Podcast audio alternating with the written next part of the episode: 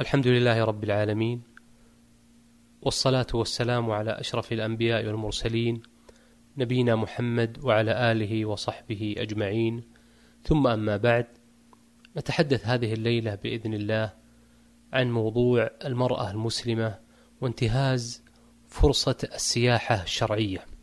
في سورة التحريم ذكر الله خصال النساء الكاملات اللائي بلغ من كمالهن أن يلقن بالزواج برسول الله صلى الله عليه وآله وسلم.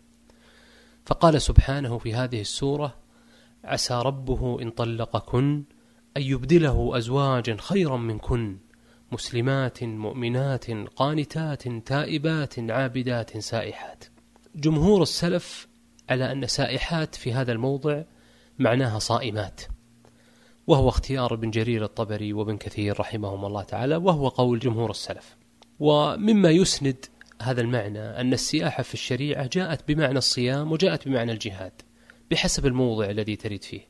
من المعلوم أن المرأة لا جهاد عليها في هذه الشريعة فتعين أن يكون المعنى هو ماذا؟ هو الصيام وأما الهجرة فليس ثمة اختصاص للنبي صلى الله عليه وآله وسلم بالزواج من المهاجرات دون سواهن؟ فلذلك فمعنى قول الله سبحانه وتعالى في هذه الآية سائحات يعني صائمات. وسمى الله المرأة الصائمة باسم السائحة لأن السياحة في من كان قبلنا من الأمم تكون بسير المرء على وجهه في البرية بلا زاد باعتبارها أشد حالات الانقطاع عن كل ما سوى الله واعتماد القلب عليه سبحانه وتعالى وهي سياحة بدعية وشرف الله الصوم بهذا الاسم وجعلها هي السياحة الشرعية الحقة وسبق بيان ذلك في مجال السابقة. وها هو هلال رمضان يتهيأ ليصافح وجوهنا ويؤذن بدخول هذا الشهر العظيم. فهل ستفوت على المرأة المسلمة العاقلة انتهاز فرصة هذه السياحة الشرعية التي عرضها الله لنا باعتبارها من أرفع خصال النساء اللائي يلقن بالزواج برسول الله صلى الله عليه وآله وسلم. سياحة شرعية في أيام معدودات. الحقيقة أنني كنت جالست بعض قريباتي وأخذنا يتحدثن عن أنماط بعض المسلمات وطرائقهن في قضاء رمضان. وبكل صراحة فقد كان حديثا يمتزج بظواهر مفرحة وتملأ المرء بالغبطة لنساء يستثمرن لحظات رمضان في أصناف الطاعات. القرآن والذكر والصدقات وإطعام الطعام وتفطير الصائمين وبر الوالدين وصلة الرحم وقطع الصوارف والمشغلات الإعلامية والاستهلاكية. ولكن ثمة أيضا ظواهر أخرى محزنة وتشعر المؤمن بالغبن والتحسر على فوات الخير لمسلمات أخريات. وفي الصحيحين من حديث أنس أن النبي صلى الله عليه وآله وسلم نفى الإيمان عن من لا يجد في قلبه حب الخير لإخوانه وأخواته المسلمات.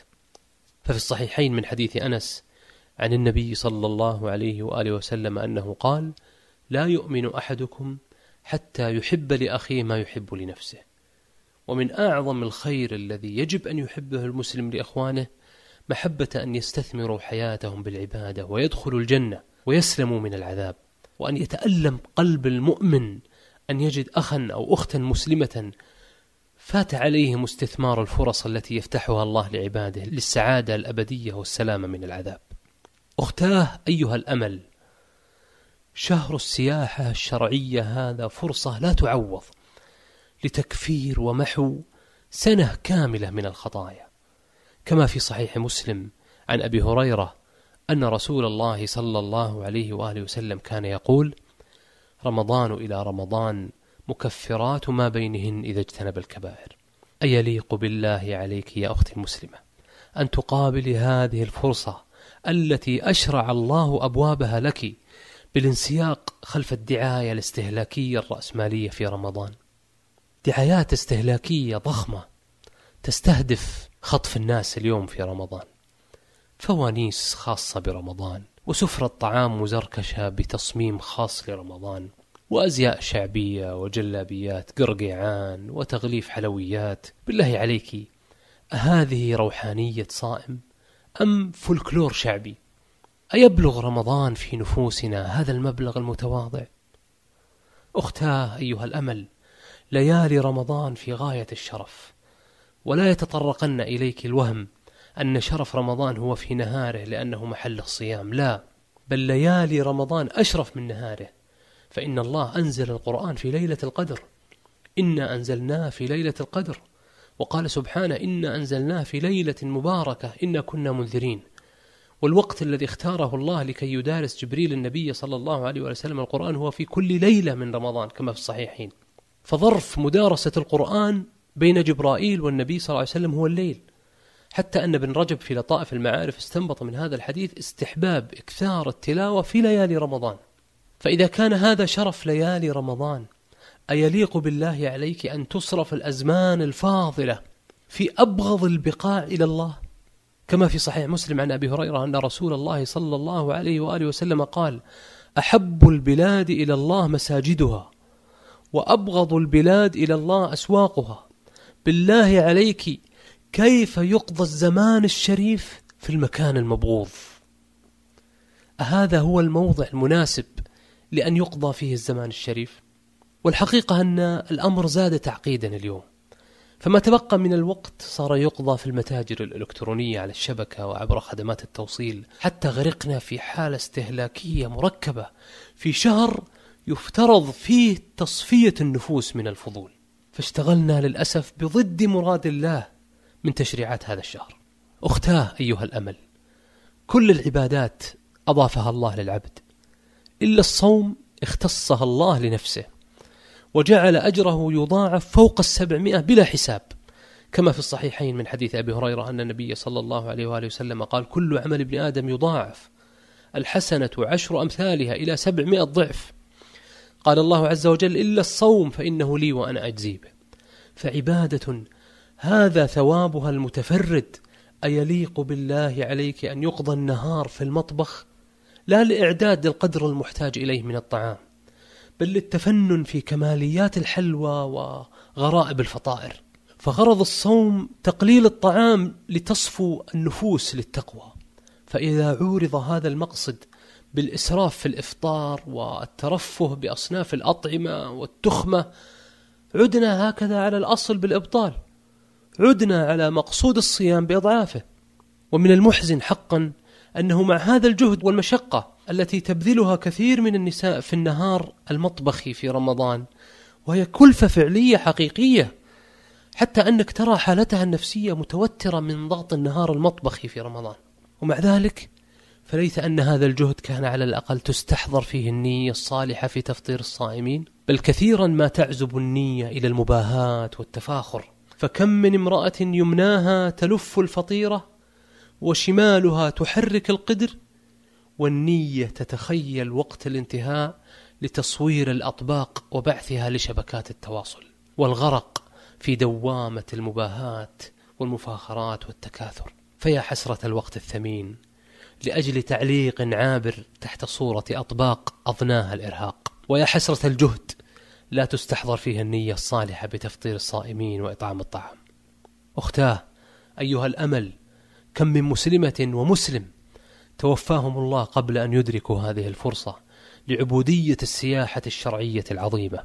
وها هو المولى تبارك وتعالى جاد عليك وأكرمك ببلوغها. فبالله عليك كيف يقابل المرء من أكرمه؟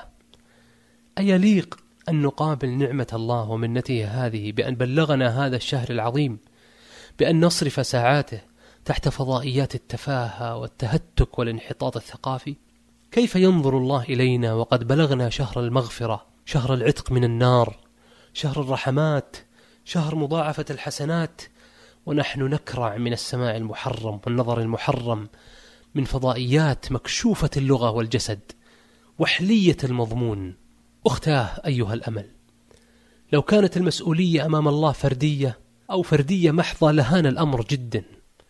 ولكن تذكري أن نبيك صلى الله عليه وآله وسلم قال كما في الصحيحين من حديث ابن عمر كلكم راع فمسؤول عن رعيته فالأمير الذي على الناس راع وهو مسؤول عنهم والرجل راع على أهل بيته وهو مسؤول عنهم والمرأة راعية على بيت زوجها وولده وهي مسؤولة عنهم والعبد راع على مال سيده وهو مسؤول عنه.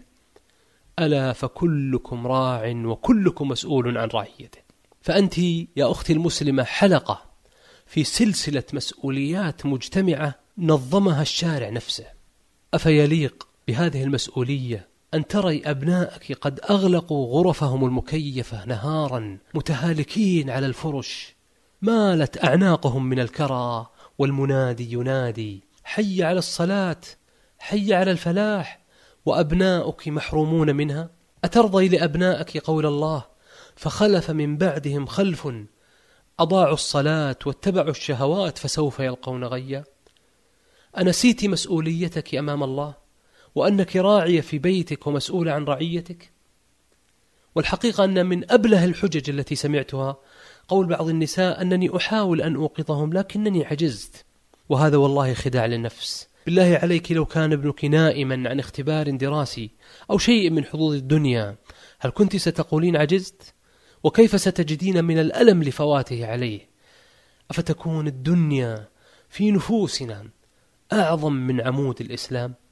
والله يقول بل تؤثرون الحياة الدنيا والآخرة خير وأبقى أختاه أيها الأمل إن كونك راعية في بيتك يعني أن عليك مسؤولية في الواجبات والكمالات أن تشعل الوعي في البيت بعظمة هذا الشهر وتنبيه أبنائك للصلاة والتلاوة وتنبيههم للمساهمة في تفطير الصائمين وإطعام الطعام والصدقات وتنبيههم لمقاطعة الانشغالات الفاسدة من المسلسلات والبرامج الفضائية المنحطة وسهرات الضياع في الاستراحات.